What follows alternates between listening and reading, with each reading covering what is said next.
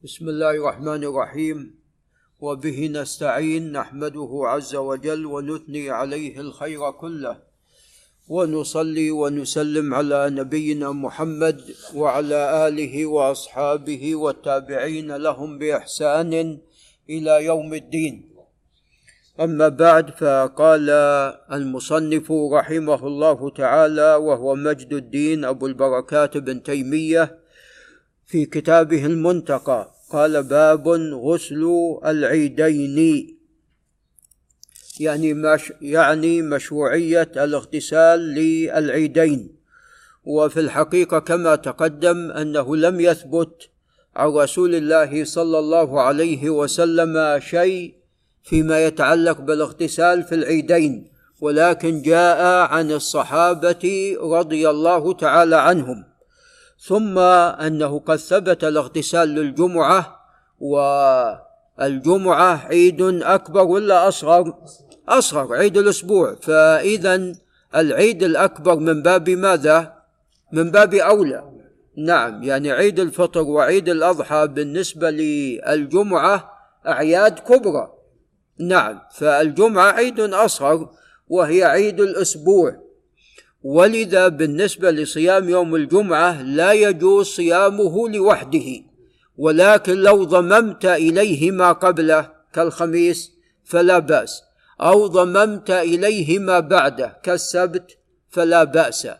وأما عيد الفطر وعيد الأضحى فلو ضممت لها ما شئت من الأيام فلا يجوز ماذا؟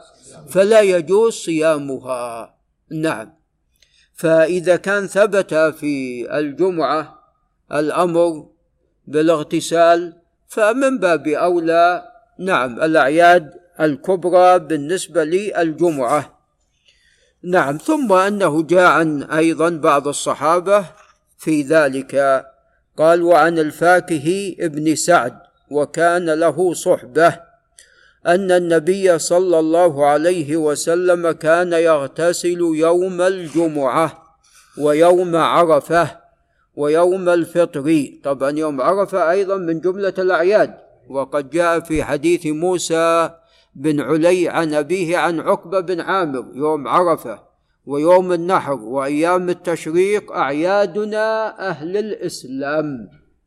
قال أبو عيسى حديث حسن صحيح.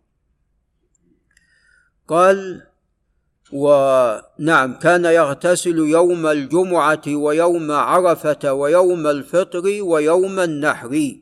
قال وكان الفاكه بن سعد يأمر أهله بالغسل في هذه الأيام. قال رواه عبد الله بن أحمد في المسند أي في زياداته على مسند أبيه. قال وابن ماجه ولم يذكر الجمعة. وهذا الحديث حديث باطل حديث شديد الضعف. ولذا قال بعض أهل العلم كما تقدم لا يثبت عن الرسول صلى الله عليه وسلم شيء في ذلك. قال باب الغسل قال باب الغسل من غسل الميت. نعم. فالاغتسال من غسل الميت هذا مشروع ولكنه ليس بواجب. ولكنه ليس بواجب. وقد جاء هذا عن بعض الصحابة رضي الله تعالى عنهم. قال عن أبي هريرة رضي الله تعالى عنه عن النبي صلى الله عليه وسلم. قال من غسل ميتا فليغتسل ومن حمله فليتوضأ. من غسل ميتا فليغتسل. ومن حمله فليتوضأ. وهذا ليس على سبيل الوجوب لأن هذا الحديث قد تكلم فيه جمع من الحفاظ. وممن تكلم فيه الإمام أحمد والإمام البخاري ومحمد بن يحيى الذهلي وغيرهم من الحفاظ. وقواه جمع من المتأخرين كالذهبي وابن حجر. قال رواه الخمسة وأنا أميل طبعا إلى قول من تقدم من الحفاظ وذلك وإن كان له أسانيد متعددة إلا أنه قد جاء بأسانيد أخرى موقوف. هم يقولون موقوف على أبي هريرة وليس بمرفوع المرفوع لا يصح. فقد جاء موقوفا عن أبي هريرة جاء من حديث محمد بن عمرو عن أبي سلمة عن أبي هريرة موقوفا. ثم أيضا أن العمل جرى على خلافه. فيعني لا يعرف أن احدا من أهل العلم أوجب الاغتسال من غسل الميت ومن حمله الوضوء. نعم وإنما هذا جاء عن بعض الصحابة وكما تقدم هذا يكون على سبيل الاستحباب. قال رواه الخمسة ولم يذكر ابن ماجه الوضوء. وقال أبو داود هذا منسوخ. وقال بعضهم معناه ومن أراد حمله ومتابعته فليتوضأ من أجل الصلاة عليه من أجل الصلاة على الميت. ولكن طبعا هذا تأويل يخالف ظاهر الخبر.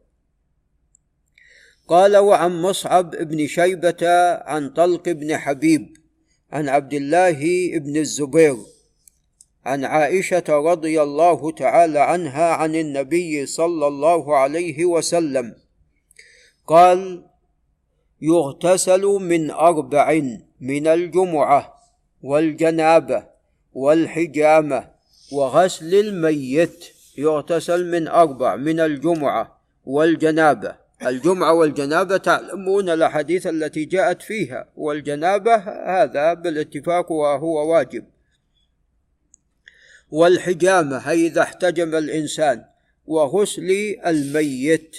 قال رواه أحمد والدار قطني وأبو داود ولفظه أن النبي صلى الله عليه وسلم كان يغتسل.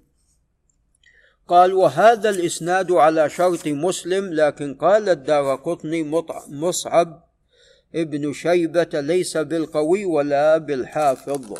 نعم. وبالفعل أن مصعب بن شيبة لا يحتج به وإن كان قد خرج له الإمام مسلم. ولذا أنكر الإمام أحمد هذا الحديث. نعم فهذا الخبر لا يصح. من أجل مصعب بن شيبة. أما طلق بن حبيب فهو ثقة وعبد الله بن الزبير صحابي ولكن الشأن في مصعب. قال وعن عبد الله بن أبي بكر وهو بن عمرو بن حزم المدني الأنصاري وهو ثقة أن أسماء بنت عميس وهي الخثعمية رضي الله تعالى عنها تزوجها جعفر رضي الله عنه وقتل عنها استشهد رضي الله عنه.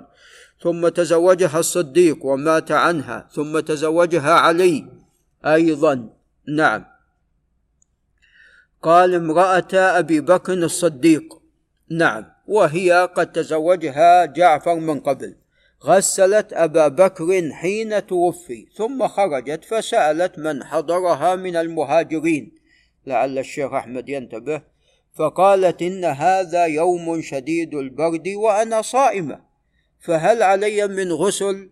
قالوا لا رواه الإمام مالك في الموطأ. نعم. وهذا مرسل ولكنه قوي.